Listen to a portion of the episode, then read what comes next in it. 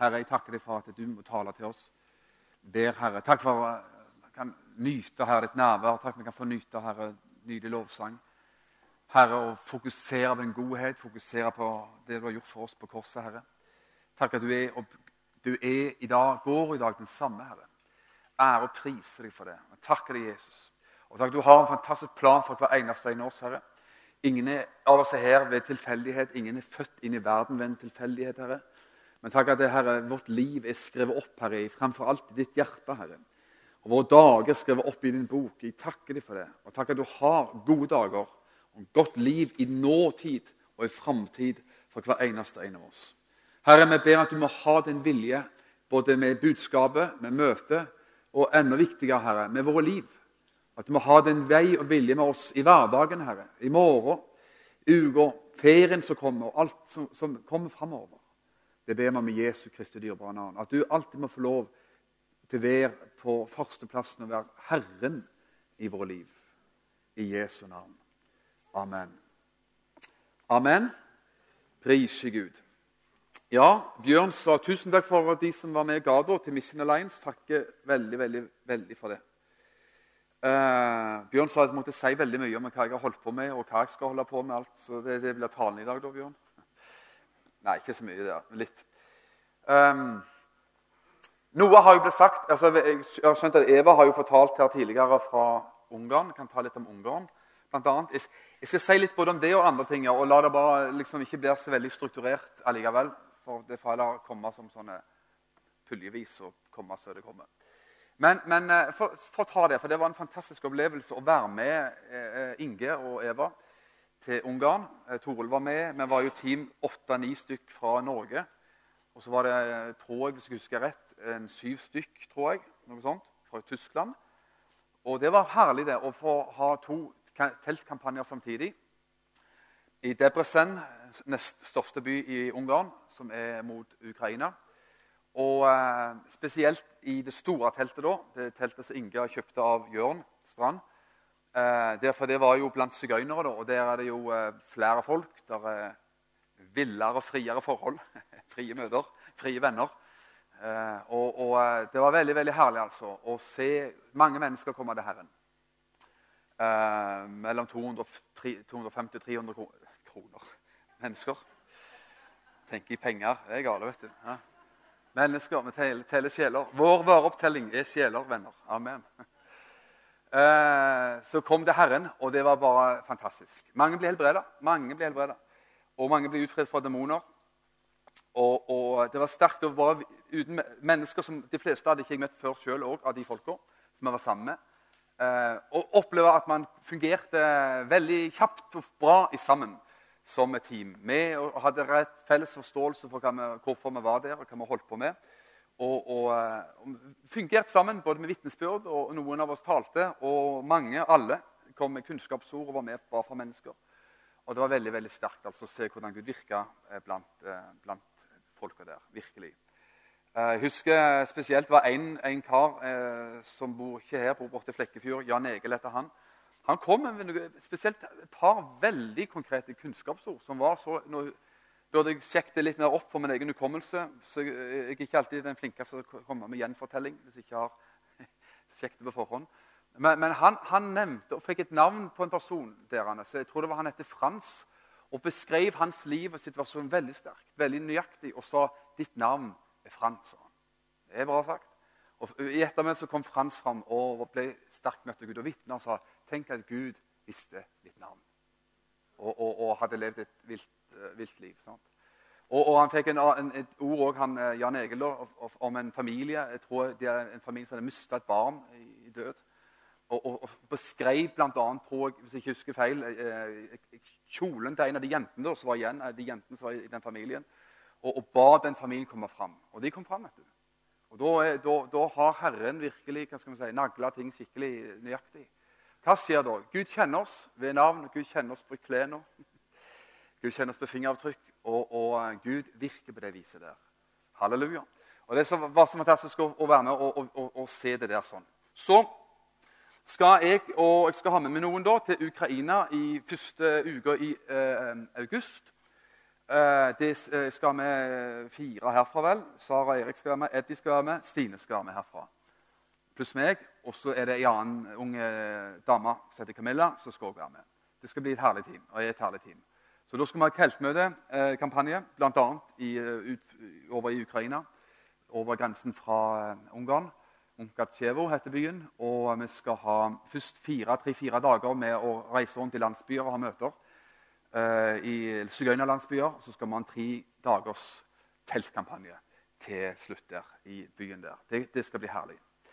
Så um, så jo meg og i India tidligere, i april. Det var herlig. Rundt 900 mennesker, 1000 mennesker tok imot Jesus der. Og, og mange mennesker ble helbreda og utfridd fra demoner og så og sånn. Eh, og så, til høsten, så blir det for min del eh, Det blir Ukraina, Ukraina, ja. Det blir Moldova, Sør-Sudan, sannsynligvis eh, Nepal, pluss eh, par ganger til Egersund, pluss møter rundt omkring ellers. Så det skal bli eh, artig. Så stå gjerne med i bønn. så er det veldig, veldig pris på det. Veldig, og Vi skjønner jo at eh, dere husker på oss på søndagene her. Det er veldig, veldig, veldig, veldig kjekt. Så det var litt av det. Og så får jeg si litt For to uker siden, helga for to uker siden så var jeg på uh, en misjonskonferanse i Istanbul. Det er jo en konferanse som Kjell Halltorp og Birger Wroldsen har planlagt et års tid. Som egentlig Kjell sier at han fikk som et kall for flere år siden tilbake igjen. Men så, så, så lå det bare liksom i, og, og, lå brakk og ble aldri gjort noe med. Flere år siden han fikk det med Istanbul. Men så faktisk, fjor sommer, så når Israel Putkar var på vei til Norge, så fikk han av Herren på flyet når han flydde opp til Norge, at Kjell skulle ta tak i dette med Istanbul. faktisk. Og Han visste jo ikke noe om at Kjell hadde hatt det i hjertet før. Da. Så han sa bare at Herren sa til meg på flyet at du må ta tak i, i eh, det Herren har vist deg og talt deg om Istanbul og Tyrkia. Og, og Derfor så kom den konferansen i gang, eh, som, som, var veldig fin. Um, det som er sterkt, det er som alle, i hvert fall jeg liker veldig godt, det er å høre eh, hva Gud gjør i enkeltmennesker. Ingenting kan gjøre deg og meg større glede enn å se Guds nådeverk i folks liv. Det er herlig. Er du enig i det, eller? Det er bare bra. Det er største gledesrusen vi virkelig kan ha.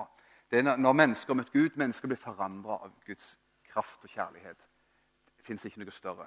Det, det, det, det tar alt. Eh, herlig å høre på mennesker, møte mennesker fra Midtøsten. Pastorer, predikanter fra Midtøsten. Som, det var jo derfor det var Istanbul, for det var et lett sånn, eh, koblingspunkt geografisk mellom Europa og mellom Midtøsten. Å møte bl.a. et pastorpar fra Nasaret i Israel, et arabisk pastorpar, som står i en fantastisk tjeneste, har mener på noen få hundre mennesker. Um, glad i, er glad i Israel og jødiske folk. Um, og ser at eh, noen muslimer ble frelst. Uh, og fortalte bl.a. denne historien om, om, hvordan Gud bruker dem. De har bl.a. en sånn preschool. Det må jo være en type førskole ja, ting for små barn. der de fleste som kommer på den skolen, der er f.eks. muslimer. Muslimske barn. Og hvordan, de, eh, hvordan de, Gud bruker dem virkelig i mirakler for mennesker. Og De fortalte om ei jente da, hun var, tror, uh, jenta, tror jeg var 20 år, som hadde av en eller annen grunn og på et eller annet vis da, Detaljene fikk jeg aldri med allikevel, og det sa de ikke noe om. Men hun hadde fått i seg noe, noen hadde hevet noe i drinken hennes en gang. Et eller annet uh, mystisk oppi der. Som gjorde at hun ble syk, demonisert. Ikke godt å si hva det var, men hun slutta å spise. Hun var i ferd med å slanke seg til døde og, og, og, og ville også ta, hele tiden ta livet sitt. Ville hoppe ut forbi eh, fjellklipper og, var der. Måtte passes på. Og, det Pastorparet ble tilkalt til å be for den unge dama. Og, de ba for henne bare 20 minutter. Det er ikke så lenge i den store sammenhengen i livet. Og etter 20 minutter så sa bare den unge dama jeg må ha mat. sa Jeg må spise. Og der og da var hun helbreda og utfridd. Det som man i profesjonelt helsevesen kan bruke 20 år, kan Gud gjøre på 20 minutter. Det må vi ikke glemme, og det skal vi snakke litt mer om. faktisk. Eh, herlig å møte en annen, annen pastor fra Algerie. Hvor ofte hører vi om Algerie? Ikke ofte. Det var der det var sånn terroraksjon mot dette raffineriet for et par år siden. Der den, også nordmenn ble drept. Eh, et ektepar, relativt ungt ektepar som hadde muslimsk bakgrunn. ble frelst for 20 år siden. Han var fanatisk muslim, mente at damer skulle være totalt tildekka og, og, ba fem ganger om dagen og, og levde det livet der sånn. Men eh, havna i hæren i Algerie, og de, på den, det her 20 år siden de krigte mot ekstreme muslimer, selv om han var en brukbart ekstrem sjøl òg. Så, så, sa han til Gud at eh, hvis du vil la meg overleve denne krigen, her, sånn, og jeg får overleve, så skal jeg komme tilbake ordentlig til religionen min. Da skal jeg begynne å be fem ganger om dagen igjen og komme tilbake til Allah. Men i stedet for så kom han tilbake til Jesus. kom til Jesus. Og fordi han møtte en kristen venn som var, var blitt frelst, og, og fikk møte Jesus og fikk oppleve å bli helbredet osv. Og, og, og, og overga livet sitt til Jesus. Og i dag samler de i Algerie eh, mellom 500 og 700 mennesker på en søndag. Og ukentlig så blir muslimer frelst i Algerie. Det er noe av det Gud gjør i Midtøsten. Og så var fine rapporter også fra, fra, fra Tyrkia osv. Så sånn. hva, hva Gud gjør rundt omkring. Og Det elsker vi jo å høre om hva Gud gjør for enkeltmennesker, og hva Gud også gjør eh, i, i, land og folk rundt omkring. Det, det bare elsker vi overalt på jord. Det Gud gjør. Er du enig i det? Det, det kan vi like, altså. Så, så, Gud er på gang, og Gud gjør fantastiske ting. Det er bare så fantastisk. Amen. Jeg har fortalt noe sikkert før. Eh, jeg, jeg, jeg sier det likevel, vet du. Men, men, men uh, dette ekteparet fra, som du har sikkert hørt om fra enten meg eller fra Kjell Halltorp Khalil han var jo på misjonskonferanse her i Arendal for et uh, par år siden. Halvannet år siden. Uh, fantastisk mann, virkelig. Han forteller jo at hans menighet har tidobla seg, altså vokst, ti ganger opp i vekst etter faktisk Kjell kom inn der for 20 år siden og ble hans åndelige far og ble hans mentor i livet. faktisk. De var 50 personer i en menighet i Amman i Jordan, men nå er de eh, i hvert fall 500. Og han sier ukentlig, eller på en kontinuerlig basis så, så fører de og gir de mat til 830 familier, syriske flyktninger. Og gang det gikk hvor mange mennesker i, der er i en vanlig, gjennomsnittlig syrisk familie. Litt mer enn tre og fire. Så du snakker om svære mengder med mennesker. Og veldig mange av de har blitt frelst. Veldig mange har kommet og Jeg tror Kjell viste det på Visjon Norge òg, en liten filmting der. Men hvordan, det har vært sjokk for dem som har vært minoritet, og en undertrykt minoritet i stor grad, forakta minoritet, plutselig blir på en måte satt på kartet, og, og som, som Gud, Gud, plutselig bruker da. Og hvordan de så at muslimer står egne banker på kirkedøra deres med satt trekors på og vil inn og vil ha hjelp og vil ha, ha husly og, og, og så videre. Sånn. Og mange av de har blitt frelst fordi at de møtte eh, kjærlighet fra menighet. Han Khalil han fortalte om ei dame som kom, var i 60-åra. Og han kjente Gud talte til hans hjerte og sa eh, Adopter den dama som mora di. Når, man adopterer noen, så adopterer man barn. Adopter henne inn i ditt liv som din mor. I den, i den kulturen så, så, har man litt mer respekt for mødre og fedre og, og eldre folk. Sant? Så han gjorde det. Hun var ikke frelst. Hun var flyktning. Hadde mista masse familiemedlemmer i krigen.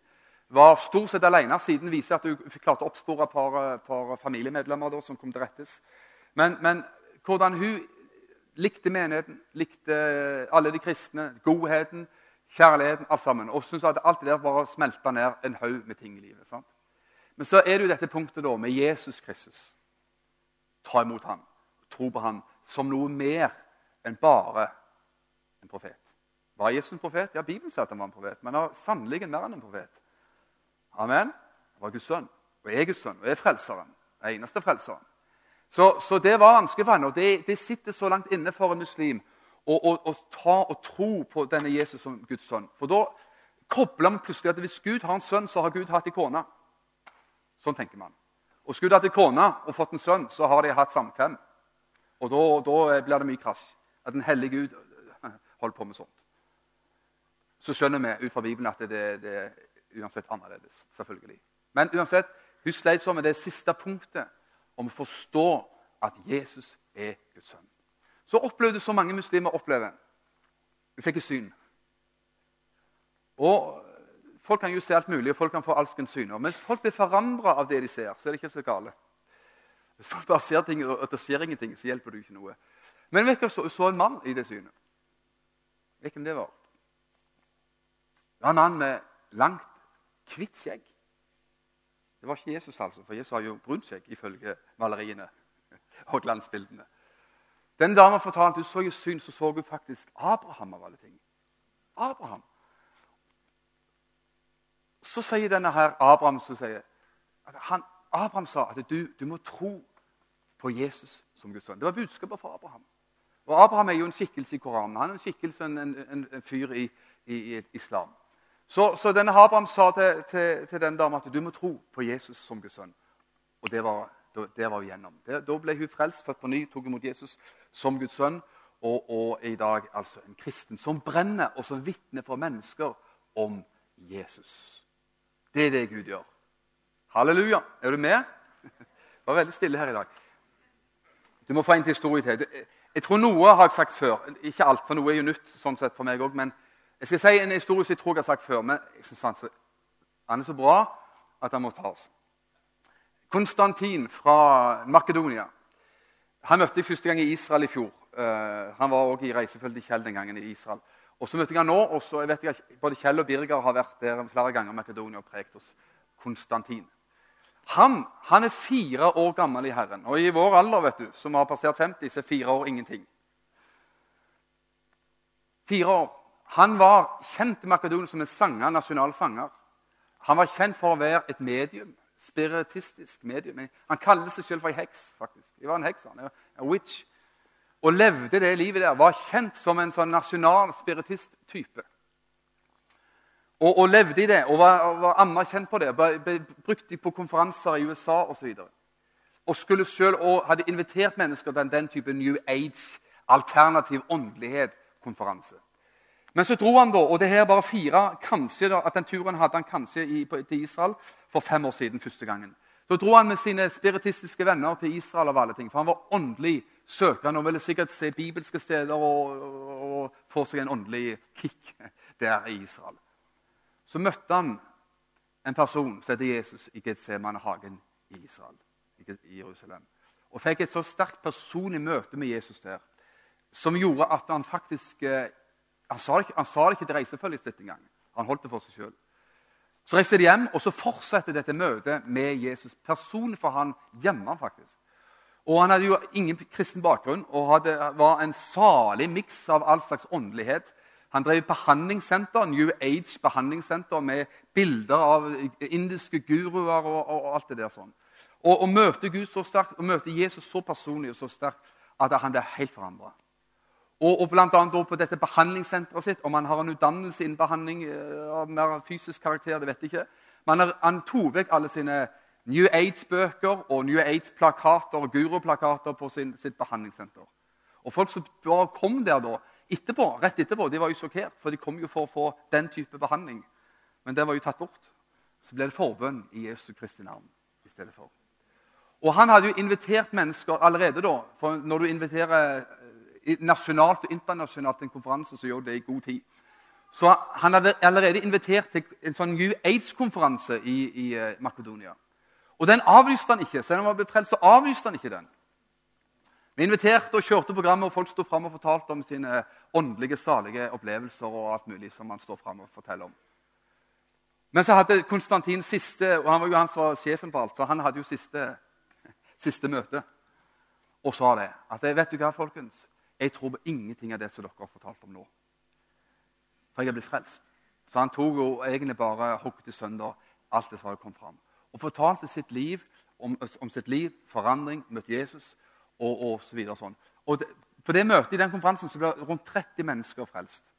Men han sa også at hvis det fantes blikk som kunne drepe i salen, så hadde han ikke levd. Begge deler. I dag har de en mening på flere hundre mennesker i Makedonia, i Skopje. Og alle, alle, Kanskje ikke bokstavelig talt alle, men en meget stor andel, kanskje 90% nesten 100% Nesten alle, da, majoriteten, er, kommer, er nyfrelste mennesker som var frelst mindre enn fire år. Konstantin har vært i, frelst i fire år sjøl. Kommer fra ingen kristen søndagsskolebakgrunn.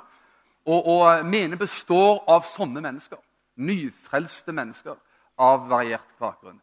Hvordan ser en sånn en menighet ut, mon tro? Ja, det er, Ifølge Kjell da, så er det meget friskt. De er ikke blitt oppdratt til å være stille. Stille for sakte og forsiktige. Konstantin er en utrolig artig fyr. Han var jo nasjonalkjent kjent sanger. Synger jo ordentlig sånn operastil og kan synge.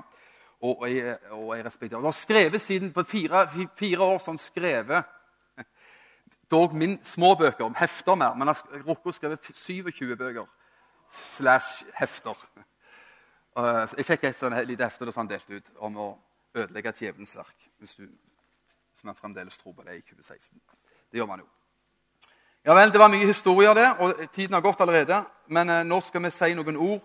Og jeg, jeg er jo litt så hel, la oss kalle det da, heldige, for jeg trenger ikke drive med systematisk bibelundervisning lenger her på det viset.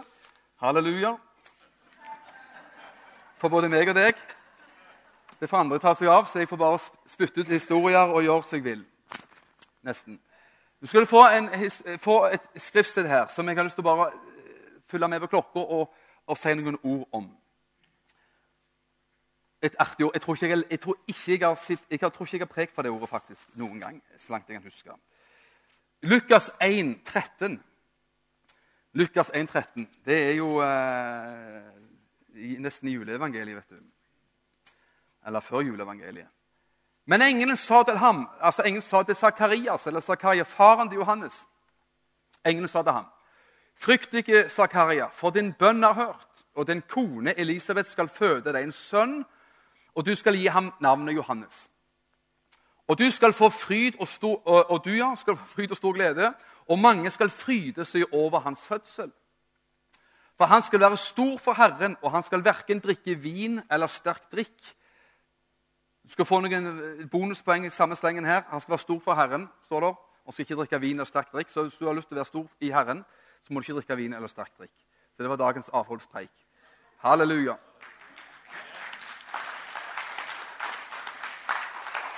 Er man, er man åpne nok, så finner, finner man teologi overalt. holdt jeg å si. Han skal også være fullt med Den hellige ånd helt fra mors liv. Skal få en teologi på det òg? Et foster kan være fylt av, eh, fylt av Den hellige ånd. Bare tenk på den tanken der. Johannes var jo det. Han er fylt med Den hellige ånd fra mors liv som et foster. Det betyr at et, foster kan være fylt av Den hellige ånd. Det betyr en, om, om, mulig da, enda mer enn et, barn kan være fylt av Den hellige ånd.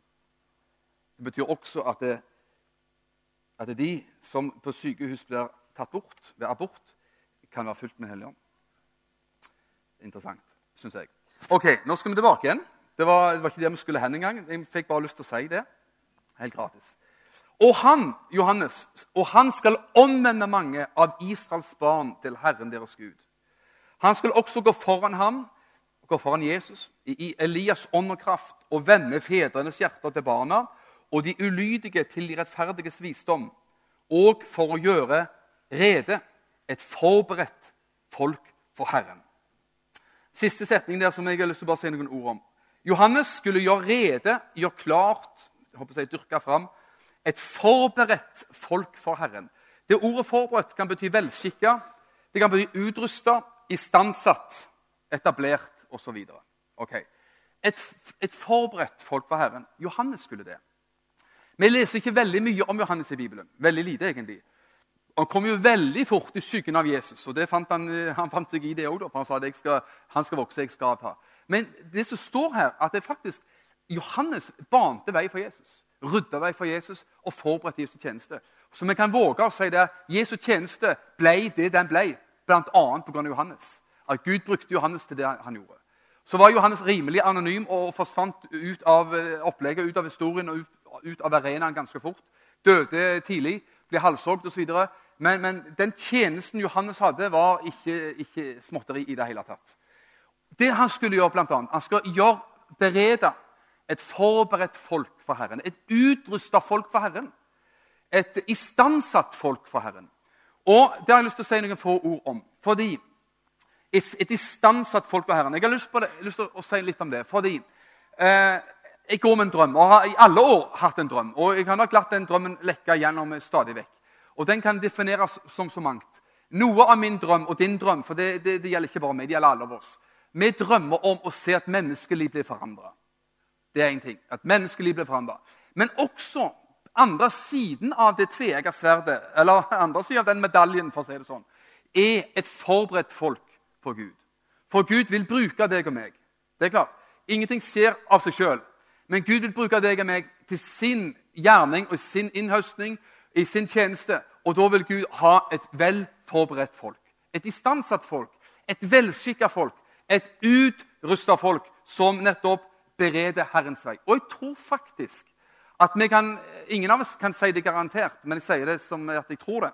At jeg tror at det, Ut fra det ordet der så kan man si også at vi er kanskje i oppløpssida før Jesu gjenkomst. Og Gud finner seg, og Gud dyrker fram, og Gud vil ha i vår tid, i 2016, et velskikka folk, et velforberedt folk. Forberedt, velskikka, istandsatt, utrusta folk for seg sjøl. Til å stå i den siste tids innhøstning. Og Personlig så har jeg liksom en drøm om å, å, se for meg et folk. Så Jeg, jeg har bare si noen ord om dette å være og bli et velskikka folk. Istandsatt folk, utrusta folk. Og Det kan man jo preke om til Jesus kommer igjen, for så er det mildt. For det er jo ikke gjort i en, i en, på en formiddag eller på en ettermiddag. sant?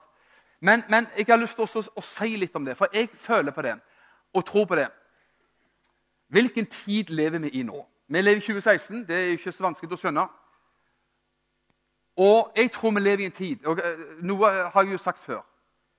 Med polarisering, med atskillelse.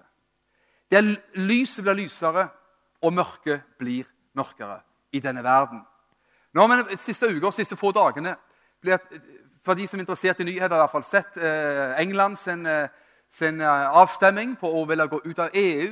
Så snakkes det om at andre land vil ha det. Og så vet vi at det er mye murring og mye spenninger i folkehavet i Europa, i mange land. Og misnøye, og frustrasjon og spenning og redsel og alt mulig mellom himmel og jord. All slags strømninger som går på kryss og tvers. Det som er så fantastisk, det er at vi har som Bibelen sier, et rike som ikke kan rokkes. Hebreerne 12.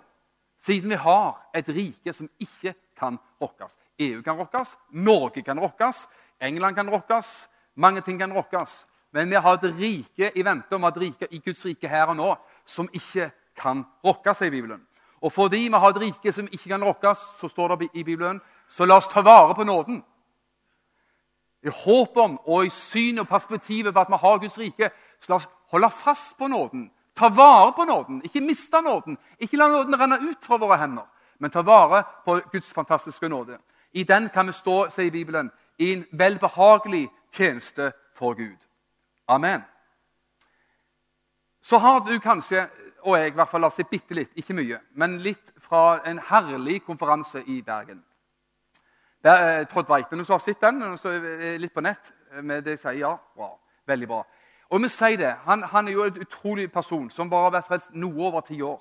Som reiser verden rundt og preker evangeliet på den måten som du har sett og hvis du har fulgt med på Visjon Norge. og sånne ting, Eller vært der oppe. eller sånn. Eh, og vi sier at Personlig så drømmer jeg ser du, om et folk som, som han. Og håper at jeg og du skal være en del av den type kristne i den tid vi lever i. faktisk. Som ikke Du får unnskylde meg hvis jeg er for frekk i nebbet, men jeg sier det likevel. Det er lenge til. Det er ferie. Et folk som ikke bøyer kne for pride-bevegelsen, men som går helt motsatt vei. Som sier at jeg tror på en bibel og jeg tror på en hel bibel. Jeg tror på bønn, jeg tror på et innvidd liv for Gud. Jeg tror på å gå veien med Jesus. Et velsikra folk for Gud. Veien, ikke er, veien ikke er, er, ikke å bli liberal. Veien er å bli i positiv forstand radikal. Nå kan ordet radikal brukes som alt mulig med himmel og jord. Det brukes innen andre religioner òg, men du, du, velger i dag å ta det på en positiv måte. Ikke liberal, men å bli radikal. I vår etterfølgelse av Jesus. I vår, i vår tro på ham. Tenk på det som det står i det dobbelte kjærlighetsbudet i Bibelen. Det er jo så kjent som bare det. I Matteus 22.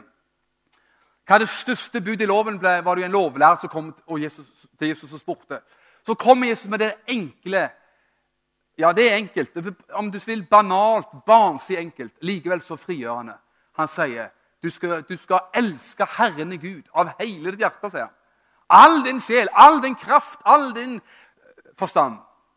Alt det du eier, har med hud og hår. Det var mine ord. Elsk bare Herren. Vær en sånn person som bare elsker Herren. Med alt det som det innebærer. Og det neste som deg sjøl. Egentlig, vårt liv kan, kan, leves egentlig fullt ut på de to sporene der. To parallelle spor som handler om det samme. Et tog går på to skinner som heldigvis går parallelt. Hvis ikke så hadde det vært et problem. Sant? Elsk Herren Gud av hele ditt hjerte, all din sjel, all din forstand. Elsk Gud. Elsk Gud. Spør deg selv hva betyr det å elske Gud. Hva vil det si i mitt liv at jeg elsker Gud? Hva innebærer det? Og hva, hva inkluderer det i mitt liv, og hva ekskluderer det i mitt liv? At jeg elsker Herren min Gud av alt. Overalt. Og vi kan egentlig ikke elske Gud hvis vi ikke skjønner at Han elsker oss først. Da er det bare teknisk krav som henger der som en umulighet som alle kan leve etter. Men hvis vi forstår, derfor så må vi be om å forstå mer enn noen gang før. Den prisen vår Herre og Frelser betalte for vår frelse. Den prisen han betalte for oss, det han gikk og gjorde for oss, at det, det blir så opp, øh, og overveldende, altoppslukende, at det er noe i oss som bare sier ja og atter ja. Jeg kan ikke annet enn å elske, ære og gi mitt liv tilbake til ham. Fordi det han har gjort, det er så dyrebart, det er så utrolig, det er så stort. Og Derfor er det jo viktig at man nettopp fokuserer på det. Amen. Jeg vil ikke vite av noe annet sa Paulus, enn Jesus Kristus og ham korsfesta. Hvor viste sin kjærlighet til oss? Romerne er det 5-8 det står. Gud viser, i presens faktisk, viser sin kjærlighet ved at han lot Kristus dø for våre synder mens vi ennå var vår, mens vi ennå var syndere. Hvor er det Gud viser og har kjærlighetsdemonstrasjon fremfor alt? Det på korset. For der tok han vår synd vår straff, vår skam, vår vanære, vår, vår forbannelse. Alt sammen for at vi skulle få lov til å bli kalt Guds barn. Amen. Der er kjærligheten. Så hvis man skjønner at han, kjærligheten er ikke at vi elsker Gud Det står også, det høres ut som en motsetning. Kjærligheten er ikke at vi elsker Gud. Likevel så leste vi dette over at vi skal elske Gud. Men det begynner med at vi forstår at han elsker oss. Og da kan ikke vi annet, og vil ikke noe annet enn å elske ham tilbake igjen. Og vi vil også elske våre medmennesker. Det er dobbelt kjærlighetsbud. Det, det, du, om, om man ikke skjønner all verdens fra Bibelen, les hele Bibelen og elsk Bibelen. Amen. Men vet du hva? kjernen i vår tro er det. Vi, vi elsker av Gud. Vi elsker Gud tilbake og vi elsker våre medmennesker rundt omkring. Og vi elsker mennesker inn, ordentlig inn i Guds rike. Det er nettopp det vi vil. Halleluja. Det skjer noe, og jeg tror på det. at vi skal... Derfor skal jeg litt om tilhørighet i dag. egentlig. Hvilken leir vil du tilhøre? Hvilket, hva slags type folk vil du være? Vil du være Guds velskikka folk? Utrusta, istandsatt? Og Da er det viktig å styre litt rett. faktisk. Jeg mener faktisk det. At vi ikke er det folket som har behov for å kutte kantene og hjørnene i Bibelen. Nei, vi tror på en hel Bibel, tror på en hel og full frelse, tror på Skriftene og tror på Guds kraft. I, for, for, et år siden, juli i fjor, et år siden, så ble det jo arrangert i, i, nede i Tyskland, Nürnberg i Tyskland. Kanskje den største kristne konferansen som har vært på i mannsminne. Og Jeg har også sikkert fortalt det, om det før, men jeg sier det igjen med glede. Der Hitler, På den stadion Hitler i 1930-åra spytta ut sitt propagandabudskap, nazi-propagandabudskap til den, den, gangens unge mennesker, frustrerte ungdommer der var det noen i fjor for et år, et år siden som samla over 20 000 kristne ungdommer for å preke evangeliet og for å utruste ungdom og sette ungdommen brann for evangelisering. Det blir kalt for 'Awakening Europe'. Altså å våkne opp Europa. Sant? Våkne opp Europa. Fantastisk. Og Nå skal den samme konferansen med mye av de samme folka arrangeres i oktober i Stockholm. I Globen i Stockholm er det vel det heter og som en diger uh, samlingssted av hall der, som er vel nærmest en innendørs stadionting. Og samle tusenvis av ungdommer i Skandinavia. Jeg tror det er håp for Norge, det er håp for Skandinavia, det er håp for Europa. Men veien er ikke å gå i liberal retning. Veien er å gå i radikal retning. Radikal hva for noe? Radikal kjærlighet. Radikal overgivelse. Radikal tilbedelse. Radikal etterfølgelse av Jesus. For det handler om Jesus. Et velsykka folk for Gud. Et velsykka folk, et istandsatt folk for Gud i vår tid. Jeg skal lande veldig fort. Hva kjennetegner et istandsatt folk i 2016? Jeg tror, jeg har nevnt kjærlighet allerede her. Elsker Gud og elsker mennesker. Det, det er egentlig det, det begynnelsen. Det, det er alfa og omega. Det er liksom hele alfabetet. egentlig. Men la meg konkretisere det bitte litt. Et folk som elsker Bibelen. Et folk som elsker Guds ord, som tror på denne Bibelen her. Som sier dette tror jeg på. Så mennesker som vil være en, som jeg liker å kalle det, Apollos-kristen. Apostelens gjerninger 18, 24, 25 og 26. Så står det om en kar som heter Apollos. Står flere fine ting om han, det står at han var sterk i Skriftene. Apollos var sterk i Skriftene og brennende i åndens ånder. Vi trenger begge deler. Om du bare er sterk i Skriftene og ikke brennende i ånden, så blir du fort en regelrytter og, og lov, tørr, lovlærd. Og tørr, hva skal si, en, en lovisk person, og som bare har teknisk forhold til boka. Og Da blir Bibelen bare en lovbok og ikke en livbok. Men Gud vil at det fremfor alt skal være en livbok. Amen. Skriftene, Han var sterk i Skriftene. Men så står det i Bibelen òg han var brennende i ånden. Og Det er også viktig at han ikke bare i gåsøyne er brennende i ånden, men ikke sterk i Skriftene. Men vet du hva? det er som to bein å gå på. Vær sterk i Skriftene, Vær brennende i ånden. En fot i Bibelen, en fot i, i, i Den hellige ånds liv og kraft. Der er veien for et distansatt og velsykka folk i 2016. Man elsker Guds ord, og man elsker også livet i Gud. Bønn, tilbedelse og det som har med Guds kraft å gjøre. Den hellige ånd. Til slutt, nesten til slutt igjen uh, Et velsykka folk vil omfatte, omfavne korsets budskap. Et velsykka folk, et istandsatt folk i dette Herrens år, 2016, vil elske og de vil omfavne Jesu kors. Og det er todelt. Eller man kan si det på en annen måte. De vil elske, de vil omfavne Jesu kors først. Og etter hva de etterpå vil gjøre, de vil bære sitt eget kors. De vil først komme til Jesu kors og omfavne om For den slags skyld så skjønner mine bilder her. knele ved Jesu kors. Men deretter vil jeg også være villige til å bære sitt eget kors. Amen. Det sa Jesus. Sier, sier, noen kom etter meg, sa Jesus. Mennesker, sier Bibelen, fulgte etter Jesus. Og Så snudde Jesus til dem. Tenk deg, da, da, er du tøff når du gjør det. altså. De fulgte de Jesus bokstavelig talt fulgte, fysisk fulgte de Jesus. Så snur Jesus seg til dem og sier hvis noen har tenkt å følge etter meg, sa han, så må han ta opp sitt kors. Må han ta opp sitt kors. Og Jeg vet ikke om jeg har lest det, men jeg leste bibelkommentar så jeg skrev ned barket mitt. men jeg skal bare si det eh, fra hjertet. Men det står i, i en eller annen bibelkommentar at på Jesu tid, på, i det romerske riket, som Israel var en del av, så skjønte de hva det vil si å bære sitt kors.